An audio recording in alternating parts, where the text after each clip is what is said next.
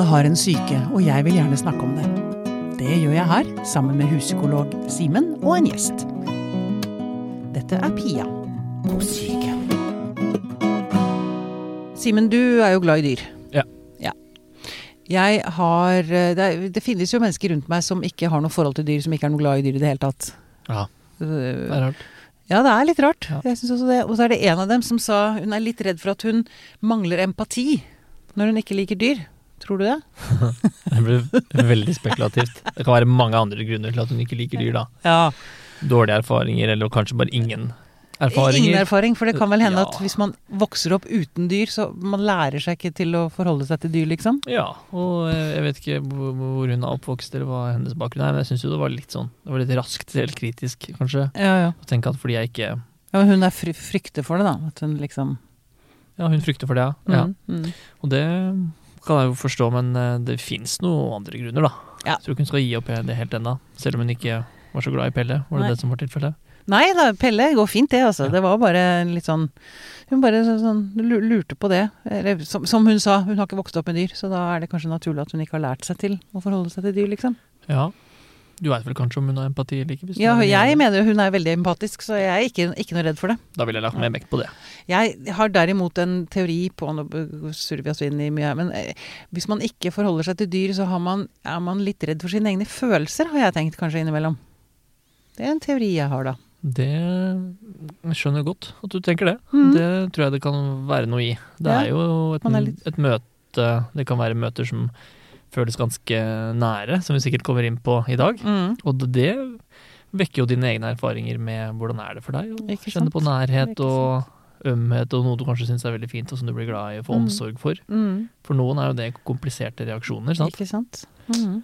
Med bagasje i. Ja. Ehm, nå har vi, vil jeg vel si at vi har fått besøk av en ekspert på dyr. Velkommen hit, Kristine Olsen. Tusen takk. Du er forsknings- og utviklingsansvarlig hos Dyrebar omsorg. Ja. ja. Og du har bl.a. doktorgrad i folkehelsevitenskap. Mhm. Mm.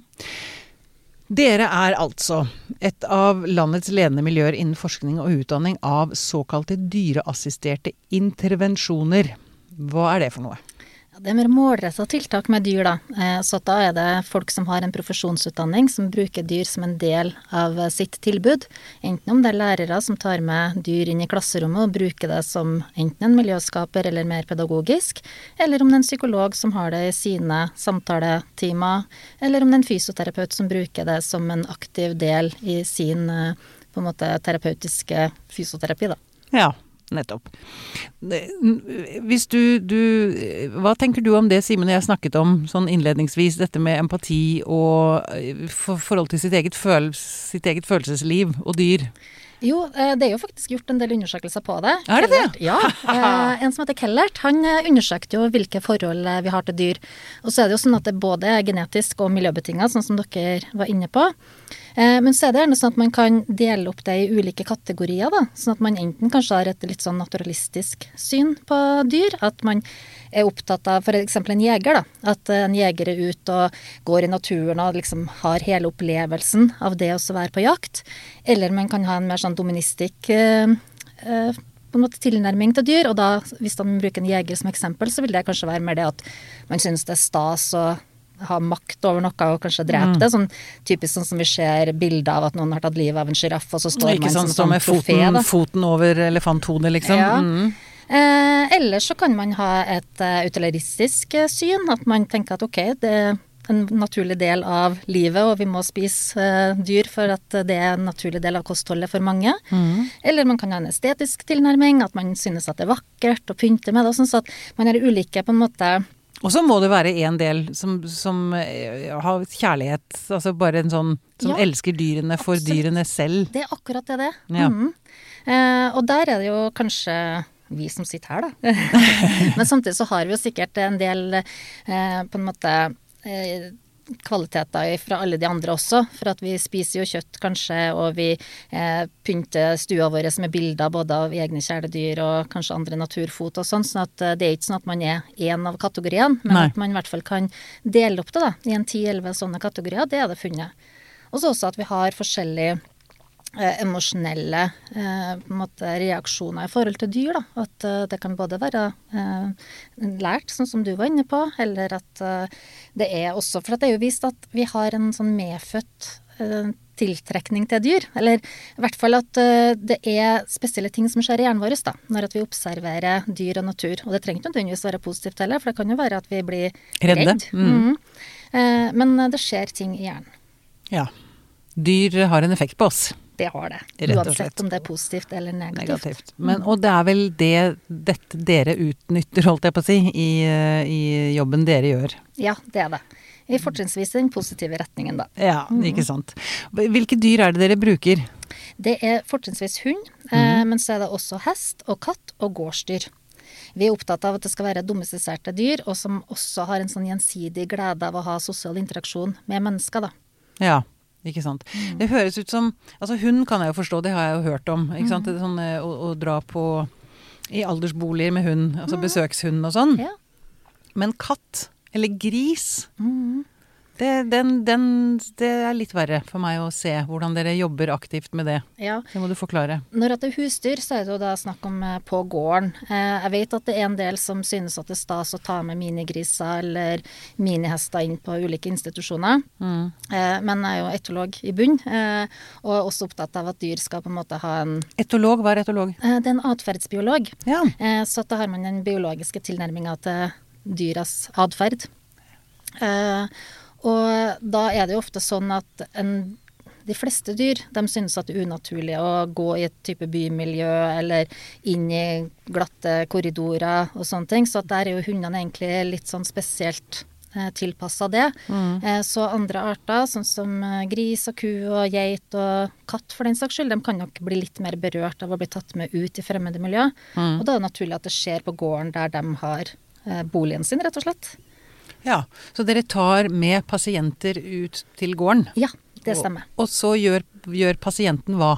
Det kommer jo an på. Mm, så, ja, eh, så det er jo ganske utbredt eh, med et pedagogisk tiltak. eh, Og da er det gjerne lærere som har besøk av enten enkeltelever eller små grupper, eller til og med klasser, der man bruker dyrene aktivt i undervisningssammenheng. Det kan være for oss å skape samhold, eller for oss å skape ro. For at vi vet jo det at når man er sammen med dyr, så kan det sette i gang fysiologiske responser i oss. Ja. Eh, og at eh, den tilstedeværelsen av dyrene da, kan bidra til å Men- hjelpe på samholdet. Men hva gjør de liksom fysisk? Du kommer til gården, og så setter du deg ned og klapper geita, liksom? Er det det? Ja, Man det gjør. kan man. Ellers kan man bidra aktivt i dyrestellet. Ja. Eh, og så er det jo enkelte Spa møkk og Ja, fòre og og det har jo også mye å si både i forhold til det kognitive, men også i forhold til det fysiske. Eh, så at det kan motivere til å være mer fysisk aktiv og så få mestring i det å også bidra med aktiviteter. Også det at man ser at det er noen som setter pris på det. For du ser jo at dyrene trenger det. Eh, og det er også viktig for mange som ikke opplever at de eh, har så mye betydning i livet. Ja, blir, for det å føle seg virksom. bety å bety noe for noen andre, gjøre noen andre glade, ja. Ja. Ja. Mm. På, jeg har, ehm, har jobbet med noen, eh, med noen pasienter tidligere hvor eh, de også har gått i ehm, hesteterapi. ja. Blant annet på, på Gaustad. Gaustad har jeg hørt om. Jeg har veldig lyst til å dra opp der og besøke dem. Ja, i, Mm. i midt intetanende sinn så tenkte jeg at det har med altså da, da rir man og, og, og sånn, og det hjelper på et eller annet vis. Men det er Mm. jo egentlig noe ganske annet enn det. Det er mer samspill og, og nærhet og et eller annet med hestene som gjør det veldig passende. Mm, Ja. Det er det. Det er ganske vanlig å bruke hest i psykoterapi. Mm. Kan du si litt mer om hva Hva, ja, hvordan det foregår. Mm. Eh, ja. Jeg har liksom prøvd, jeg- ser etter bildene her, de Ah. gode ja. mm. Eh, nei, det man eh, gjerne bruker når man jobber med hest i psykoterapi, da, så er det jo gjerne i forhold til også det å bli kjent med egne følelser mest. Så at da er det kanskje litt mer eh, samhandling på avstand. Så det er ikke nødvendigvis den fysiske kontakten, sånn som det er under hippoterapi, altså rideterapi eller andre former for dyreassisterte intervensjoner. Eh, og da handler det om at man eh, lærer seg sjøl å kjenne eh, gjennom hvordan hesten reagerer da, på de ulike signalene man gir, og hvordan man eh, også reagerer på de signalene som hesten gir. Ok. Så, ja, ja, jo, men eh, det, det er interessant. Altså, igjen, man sender signaler. Det tenker man jo eh, Hvis man sliter psykisk Mm. med depresjon eller angst eller noe sånt, så blir man jo veldig gjerne veldig selvopptatt. Mm. Man tenker ikke over at man selv sender ut signaler. Bare det er jo altså Der åpner man en kommunikasjon da, som kanskje er lettere Det er lavere terskel for å kommunisere med et dyr enn med et menneske. Akkurat. Er jeg, er jeg inne på noe der? Ja, det er det absolutt. For dyrene er jo ikke dømmende, og de reagerer mer instinktivt. Da. I Mm. hvert fall hestene gjør jo det. Eh, Sånn at det er en mer ærlig reaksjon du får, rett og slett. Mm. Det, er, det, er, mindre undertekst. Ja, ikke sant. Så det er lettere Ingen å forstå. undertekst, egentlig. Nei, det er jo ofte ikke det med Trenger ikke å tolke noe. Trenger ikke å tolke dyrene. Nei. Nei, de er ikke ironiske eller eh, Ikke sant? Mm. Har ikke noen underliggende motiver, eller de er bare veldig direkte. Ja, og det skaper jo trygghet. Ja, ikke sant. Um, det er jo en del forskning som viser at eh, altså det å, å omgås dyr er veldig bra for oss. Altså hjerterytmen senkes, og vi lever lenger. De som har hund, lever lenger, og sånn. Eller katt sikkert også. Du, vet du noe mer om det? Kan du si noe mer om det? Hva, hva det Nå har vi snakket litt om det, men Det kommer veldig fram at du er hundemenneske og ikke så glad i katter. Ja, nei, jeg er glad i katter òg, men jeg har Jeg forsvare kattene Ja, litt her, da. For du er kattemenneske. Ja. Jeg har hatt katt også, faktisk. Ja, ok. Før jeg fikk hund. ja, du er slenger liksom på det som en sånn bisetning av katter. Ja, og katt. ja, men er egentlig, ja, og jeg kunne jo egentlig sagt det samme om hest, da. Det er kanskje litt vanskeligere å få. Egentlig så har jeg lyst til å ha en delfin. Ja. Der har det jo kommet veldig spennende nå at man har virtuelle dyr. eh, For at det å ha delfiner i fangenskap er jo kanskje Ikke- ikke, så heldig for Mm. eh, individet. Eller det vil si, det vet vi at det ikke er heldig. Mm. Eh, og der har det kommet veldig gode måter der de animerer, da. Det er rett og slett robotdyr som er helt eh, ekte, og så kan man eh, svømme med dem og få den samme effekten som eh, med levende delfiner. Oi. Mm, veldig Det- kult. Det er sånn Tamagotchien kommer tilbake i forsterka form. Det der lom lommedyret vi hadde på 90-tallet. Så Oi. man- Det var sånn man måtte ta opp av lomma, så måtte du mate det. Ja, ja, ja, stemmer det. sånn. Stemmer det. Ja, Jeg tenker at det har noe for seg òg, jeg. Ja, det har jo noe med ansvarsfølelse, det òg, da. Ja, ja, ja. Og en kontakt. Det er jo en slags kommunikasjon Ja. der også. Men nå må jeg nå, Ja, jeg avbrøt helt, jeg. Det Ja, var det nei, ja, med oss. ja, nei, ja, jeg skal tilbake til det, men nå kom jeg på at nå må jeg fortelle delfinhistorien min. Ja. Fordi for eh, ganske, det var på 90-tallet, så var jeg på tur til um, Eilat i Israel. Der har de en delfinpark. Der var det en som redda Det var noen sånne em, em, delfiner som var trent opp av den eh, russiske militæret. Minedelfiner. ja. Mm. Som skulle avlives. Og så var det en fyr i Israel som redda dem, og åpna en park. Og har da et sånt sted hvor du kan komme og dykke med delfiner og møte delfiner. Og så fikk jeg lov til å være med ut på plattformen. Så viste hun treneren Hun sa delfinene er ikke sikkert de kommer, bare vær klar over det. Jeg var jo livredd, for jeg har alltid elsket delfiner. Skrev særoppgave om delfiner i 9. klasse. Helt delfinoman, liksom. Eh, men De har ikke vært her på noen dager nå, så bare vær oppmerksom på det, liksom. Og så, eh, men så kom de, da. Kom det en ung delfin, han var visst to år da, han som kom til meg. Som, ja. Altså i sjøen? Dette? I, sjø- jeg satt på brygga på en lav plattform, Ja. eh, og så kom delfinen opp foran meg. Ikke sant, Det var ikke sånn waterpark-aktig? Nei, eh, eller ja, det er jo en, en naturpark da, hvor de holder delfin, men de kan svømme ut også. Ja. Altså de, ja. Um, men så viste denne treneren meg hvordan jeg skulle ta sjøgress fra under brygga og holde opp. Og så kom delfinen opp og plukka det med munnen sin. Så holdt jeg på å leke med det, så plutselig så ble han borte. Og så fikk jeg sånn Nei, han likte meg ikke! Nei, avvist av en delfin, liksom. Hvor ille kan det bli? Og så gikk det et par minutter, og så plutselig så kommer han opp tilbake, og så åpner han munnen foran meg, og så på tunga så ligger det en sånn sjøblomst. Herlig.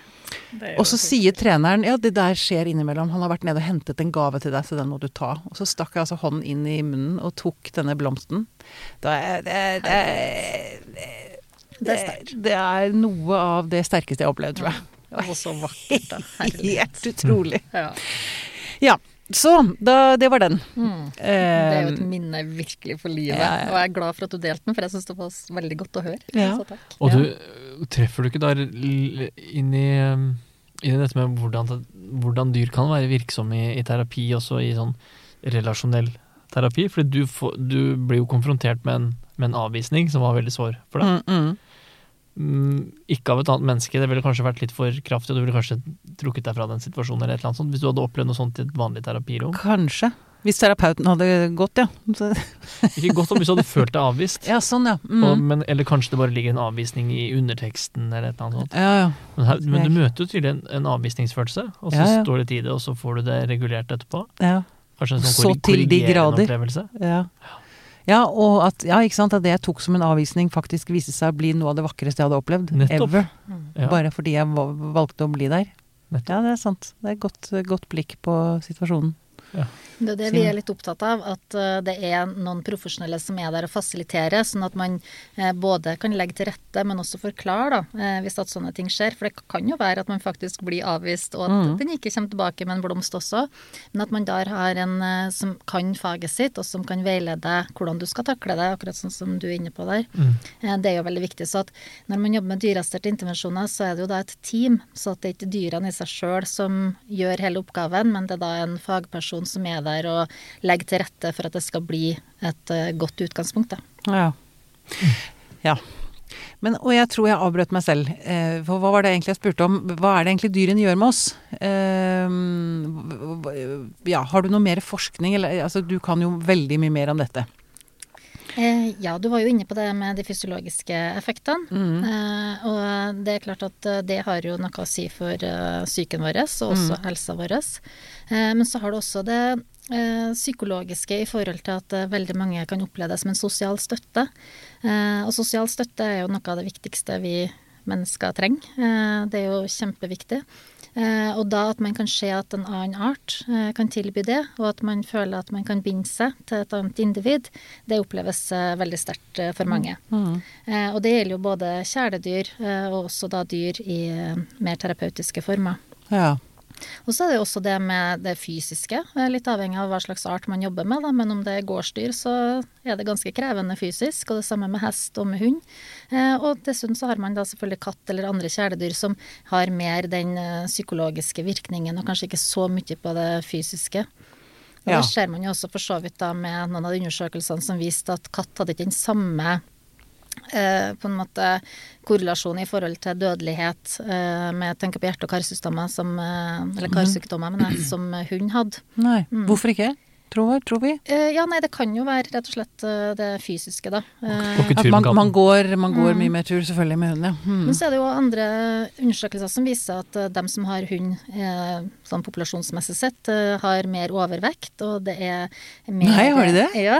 Nei, så rart. Eh, og mer eh, røyking og andre på en måte negative faktorer som påvirker folkehelsa. Så at, eh, det er jo ikke entydige resultater. Det er Nei. det ikke. Mm. Men det er veldig rart, er det ikke det? Ja, jeg Eller- vet ikke. Jeg, nå drar en kanskje litt langt, men kommer litt an på hvilke deler av Hvis det er deler av samfunnet som uh, har ekstra lett for å kjøpe kjæledyr. Det er jo alltid en sånn retningsspørsmål, da, med sånn korrelasjonsforskning. At ja, vi ser at eh, mange med hund har eh, den og den type problematikken. Det kan jo hende at de som har den problematikken fra før, så kjøper seg en hund.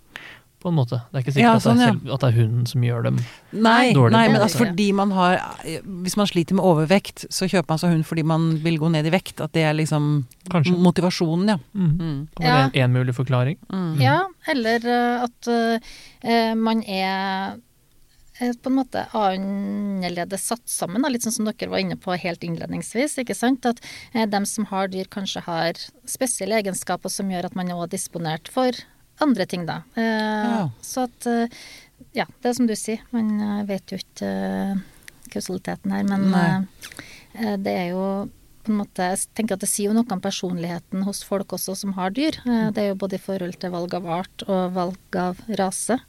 Så at det Man ser jo gjerne at folk som har én type hund f.eks., er kanskje mer aktiv, mens en annen hunderase har mer i forhold til det sosiale igjen.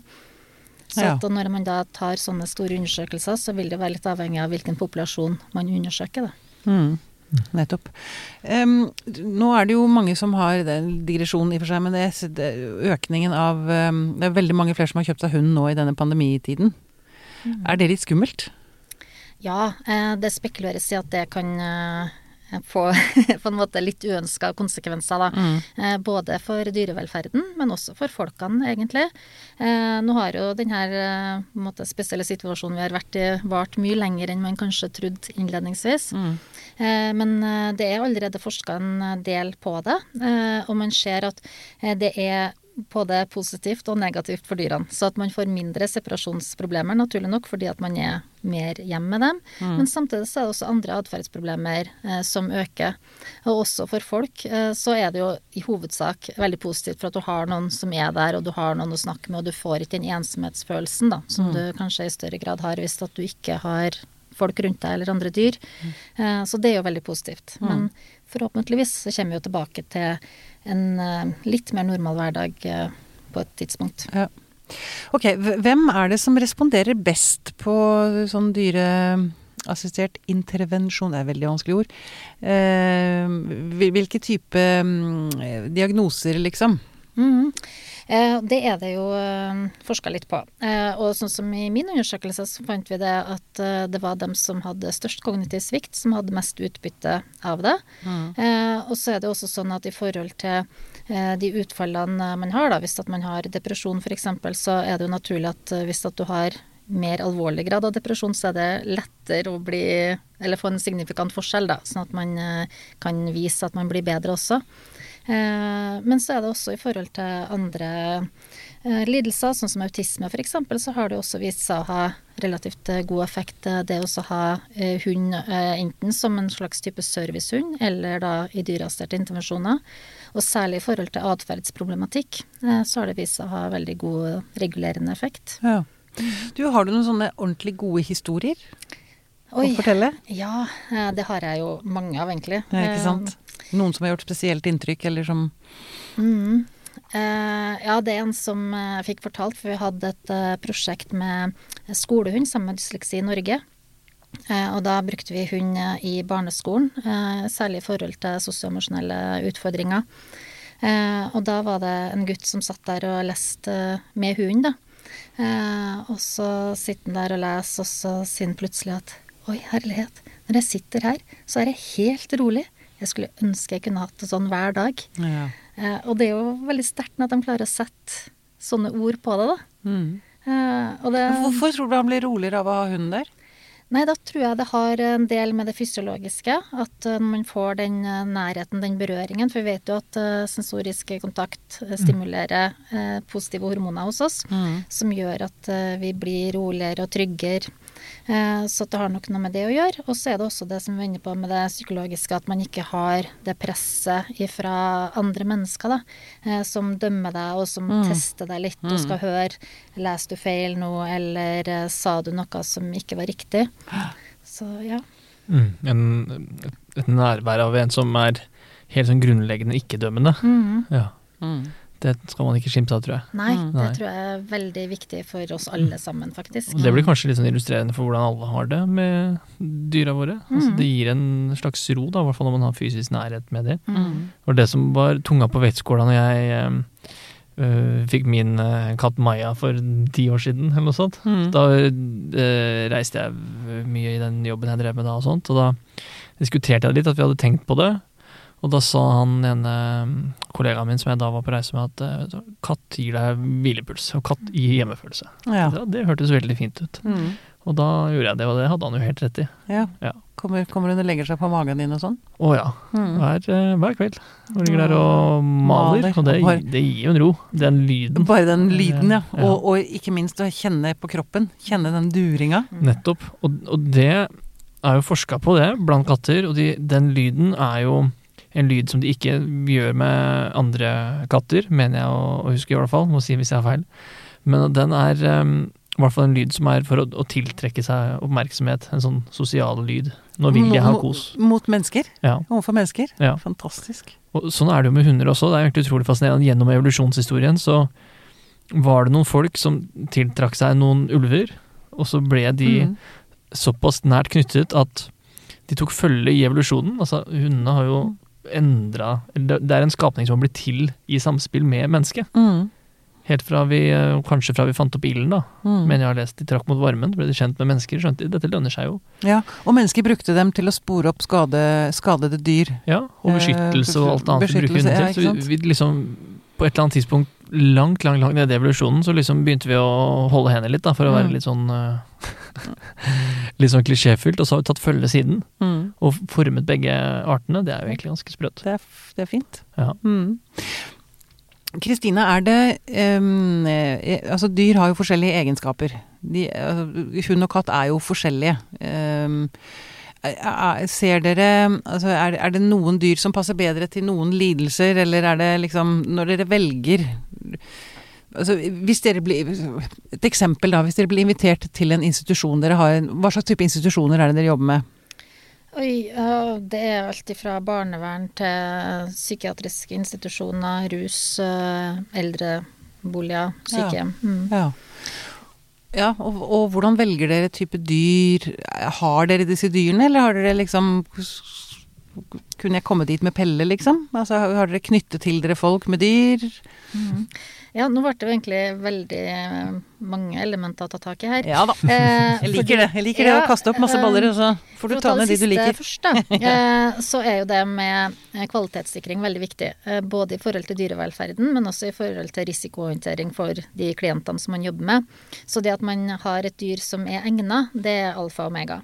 Eh, så der har vi veldig nøye eh, egnethetsvurderinger, faktisk. Eh, for å sjekke om dyret i hele tatt er komfortabel og i tillegg også har glede av å være med på det her. Så da har man altså et team, da. Så at man har jo en eier eller en fører som har et dyr. Og dem sammen må jo da utdannes og få kunnskap om hvordan man skal jobbe med det her innenfor sitt fagområde. Eh, og så er det jo sånn at man får et oppdrag, eh, så har det jo vist seg at det er viktig å kartlegge de måte, karakteristikkene ved den klienten også. Eh, både i forhold til hva utfallet skal være. Eh, hvis man tar ehm, ja, hvis man er på en skole da, f.eks., så vil det jo være forskjell om det er skolevegring man jobber med, eller om det er faglige utfordringer man jobber med. Eh, så det vil nok eh, mest sannsynlig være to ulike typer dyr eh, som vil jobbe med den problematikken. Da. Ja. Eh, så at eh, vi innhenter så mye informasjon som mulig om klienten. Og så har det også noe med deres preferanser.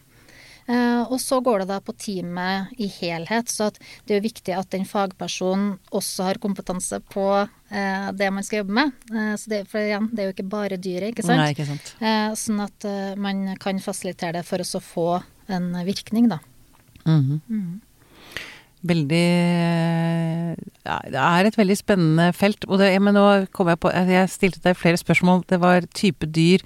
Men altså, arter tenker jeg på. Mm. Eh, kan du liksom dele inn det i forskjellige kategorier? Sånn at hund passer best til dyslektiske barn og katter er bedre på autister, liksom? For ja. å være eh, Nei, så grovt er det egentlig ikke. Altså, for det går mer på personlighet både hos klienten og hos eh, dyret. Altså, ja. Men det er klart at skal du holde på med aktivitet, så er det jo mindre egna som regel med katt. Men det finnes jo dem. Vi har jo en terapeut som er, og jobber for oss en del. Og hun gjør jo de samme aktivitetene med katta si som det andre gjør med hundene. Hun går tur med den, og den gjør triks, og den eh, får folk i aktivitet, da. Mm. Eh, så, men den er jo klart, den eh, er jo litt spesiell. spesiell ja. Så som regel så har jo katten egenskaper i form av at de gir ro og mer det fysiologiske, da. Mm. Mm. Hvem er det som ikke ville fått det bedre, hvis man kunne lekt med en katt som går tur og mm. gjør triks. Ja. Ikke sant? Hjelp, hjelp. Ja, det er veldig hyggelig. Det er en ekvipasje som går forbi her hver morgen. En, en dame som går med hund, hunden sin, og så mm. kommer katta gående etter. Ja. Den er med på tur. Ja, veldig koselig. Ja, veldig koselig. Oppe på Sagen er det også en som går på tur med katta si hver dag med, i bånd. I bånd, ja. Det ser veldig, veldig, veldig morsomt ut. Ja, men og akkurat det liker jeg ikke. Jeg er ikke så glad i å se katter i bånd. Ja, som regel så vil de ikke være med hvis de ikke vil, for å si det sånn. Nei. så at uh, man er litt mer avhengig av samspill og spill på katten sine premisser, eh, mm. kontra med hund, da. Som er mm. lettere lell å tvinge til ting som de egentlig kanskje ikke er komfortable med. en liten godbit, så er mye gjort, si. Ja. ja. Du, hvis man har et dyr og har lyst til å utdanne seg hos dere, mm. Er dere åpne for det, eller er det Ja, absolutt. Mm. Det er veldig stort behov for flere ekvipasjer. Ja, det er det. Eh, og så er det jo, som jeg sier, så stort eh, nedslagsfelt, da. Eh, så det er jo egentlig ikke noe begrensning i brukergruppa. Eh, så uansett hva man på en måte enten har kompetanse på sjøl, eller man ønsker å jobbe inn imot, eh, så finnes det folk eh, som trenger deg og dyret.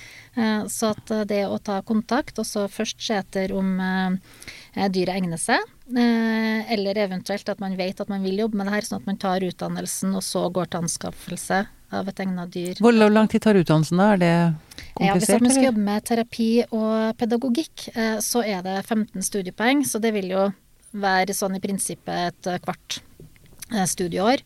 Eh, Men det går jo litt over tid, så man eh, rekker på en måte ikke bli ferdig før det har gått over, litt over et halvt år, da. Mm. Nei.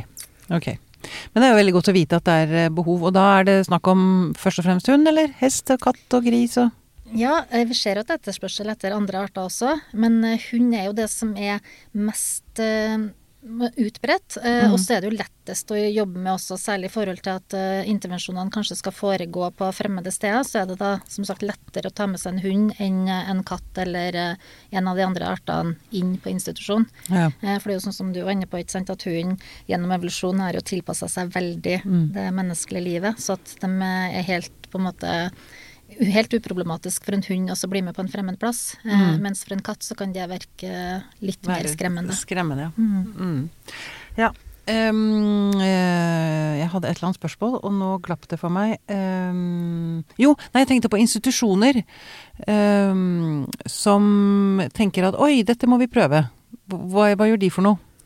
Det er bare å kontakte dere, kanskje? Ja, det kan de gjøre. Uh, og da har jo vi en uh, kall det pool eh, med ekvipasje, Mm. eh, som vi prøver da å matche opp imot eh, hva det er de har behov for. Ja. Mm. Og du tenker at det er virkningsfullt på alle typer, liksom.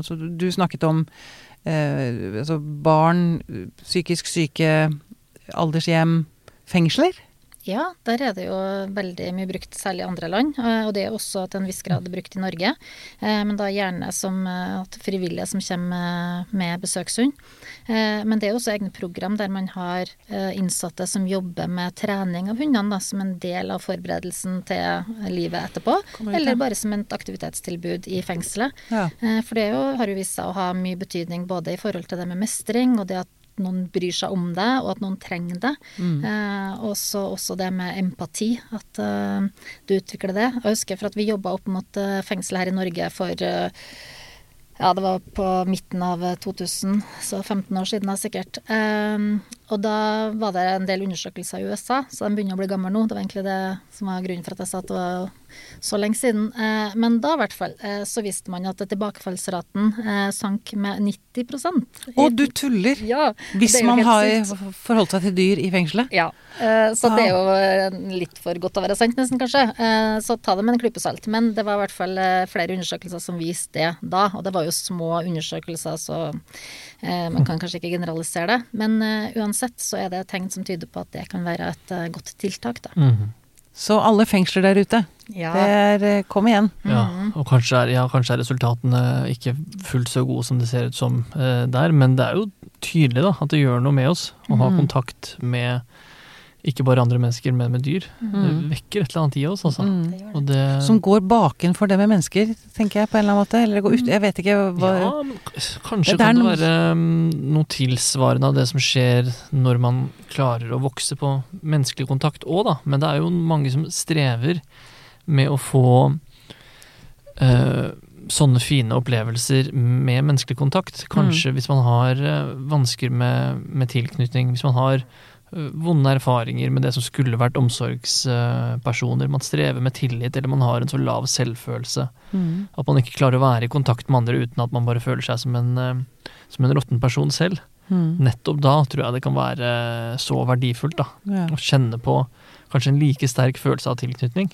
Mm. Med et blikk som ser deg, og et blikk som aksepterer deg. Og samme hva slags Samme hue det blikket Mm. sitter på. Mm. Fordi følelsene som ligger bak det, kan være noe av de samme grunnfølelsene allikevel. Ja. Det å føle seg akseptert eh, og, og føle seg elsket, fordi du er jo faktisk det. Mm. ja, ikke sant. Selv om du ikke jo- kan uttale det med ord. For katta maler jo like fullt om du er Jeg holdt på å si en morder eller et helgen hele helgen. Eh, Ja, helgen, eller om du er eh, Mm. sosialt vellykka, eller om du har jobb, eller om du er fattig eller rik. Mm. Så foretrekker jo den deg Mm. framfor naboen. Ikke sant. Til motsetning fra hva mange, mange tror om katter. Så, Ja. så de, De er knytter seg ja, det til altså. ja, ja. Og hunden logrer og blir jo like glad hver gang han ser deg. Det er jo helt, det er jo helt fantastisk. Jeg syns jo det etter 13 år med Pelle, jeg syns det er like fint når jeg har satt ham bort i noen dager og kommer og henter han, og han blir så glad. Nettopp. Og, Det er jo helt stort. ja, og det, det tror jeg er så viktig for um, altså de fleste, alle Alle. Mm. forhåpentligvis kunne fått noe ut av det, men spesielt for de som har et eller annet i seg som gjør det vanskelig å profitere på menneskelig kontakt, da. Mm. Det har jeg veldig tro på. Det er vel du enig i, Kristine? Ja, absolutt. Eh, og så syns jeg det er som du sier at eh, det er spesielt for enkelte, for det er klart at alle har jo ikke noe utbytte av det. Sånn er det med alle former for terapi, at eh, det skal jo treffe. Eh, Mm. Men det er jo det som man må være nøye med, da. Og så se at Mm. man eh, finner riktig match. Og så er det selvfølgelig evaluering underveis, sånn at man eh, har en eh, en måte grundig observasjon av om det her faktisk bidrar til noe positivt, eller om man eh, stagnerer. Mm. Eh, For det er noe som jeg egentlig er veldig opptatt av da, generelt i helsevesenet, at eh, man bruker tiltak som man eh, har stor sannsynlighet for å lykkes med. Og hvis at ikke man har noe virkning, så bør man avslutte eller endre tiltaket, sånn at man har større forutsetning da, for å få en endring. Eh, ofte så blir man kanskje i et mønster i mange år, eh, og så er det både bortkasta økonomiske ressurser, men så er det ikke minst eh, bortkasta liv da, for den som ikke får den nødvendige hjelpa som man kanskje trodd. Og i tillegg den skuffelsen over at man tror at man får et tiltak som virker, og så gjør ikke det. Eh, Og i tillegg så kan man kanskje føle skyld for at man ikke får det til. nettopp, ja, ikke sant? At man føler at man mislykkes Ja. i terapien òg, liksom. Ja, det er akkurat det. Da er det, da, har du, da er det ikke mye igjen. Da, er, da kan håpløsheten fort sige inn. Mm. Tenker du at det er nok bruk av eh, dyreassistert uh, terapi i Norge? Jeg tenker at det er et eh, større marked. eh, Mm. For det er som vi er inne på, at det er jo veldig mange som kan ha nytte av det. Mm. Eh, Og så har jeg jo ikke lyst til å måte, glorifisere det eller bagatellisere det eller overvurdere det. For igjen så er det den fasiliteringa av den fagpersonen som er det avgjørende. Mm. Så at man må jo ha den i bunn. Så det hjelper ikke på en måte hvis du er en eh, forferdelig dårlig psykolog, eh, så hjelper ikke nødvendigvis at du har en katt eh, på terapirommet. Du må liksom vite hvordan du skal jobbe med de endringene som skjer da, hos Mm. klienten. Mm. Mm. Veldig bra. Er det noe du har lyst til å føye til på slutten her, som vi ikke har vært borti? Eller som du har lyst til å understreke, eller Ja. noe det Nei, jeg syns det er veldig godt å høre at dere eh, ser nytten av det. Mm. Eh, og så syns det var en veldig fin historie du fortalte. Eh, men det som er viktig å understreke, er at, hvis man jobber med dyreassisterte intervensjoner, så er det den kvalitetssikringa som er avgjørende. Sånn at man vet at dyret egner seg, at man har en kvalifisert person som observerer det og godkjenner det. Og også at man sjøl har kompetanse på hvordan man skal jobbe med dyret. Eh, For det hjelper ikke å ha en fagutdannelse og så ta med dyret hvis at du ikke vet hvordan du skal legge til rette, og hvordan du skal forholde deg de ulike situasjonene som oppstår. Nettopp. Veldig bra. Tusen takk for at du kom til oss, Kristine Olsen fra Dyrebar omsorg. Veldig hyggelig å snakke med deg. I like måte, tusen takk for at jeg fikk komme. Ha det. Ha det.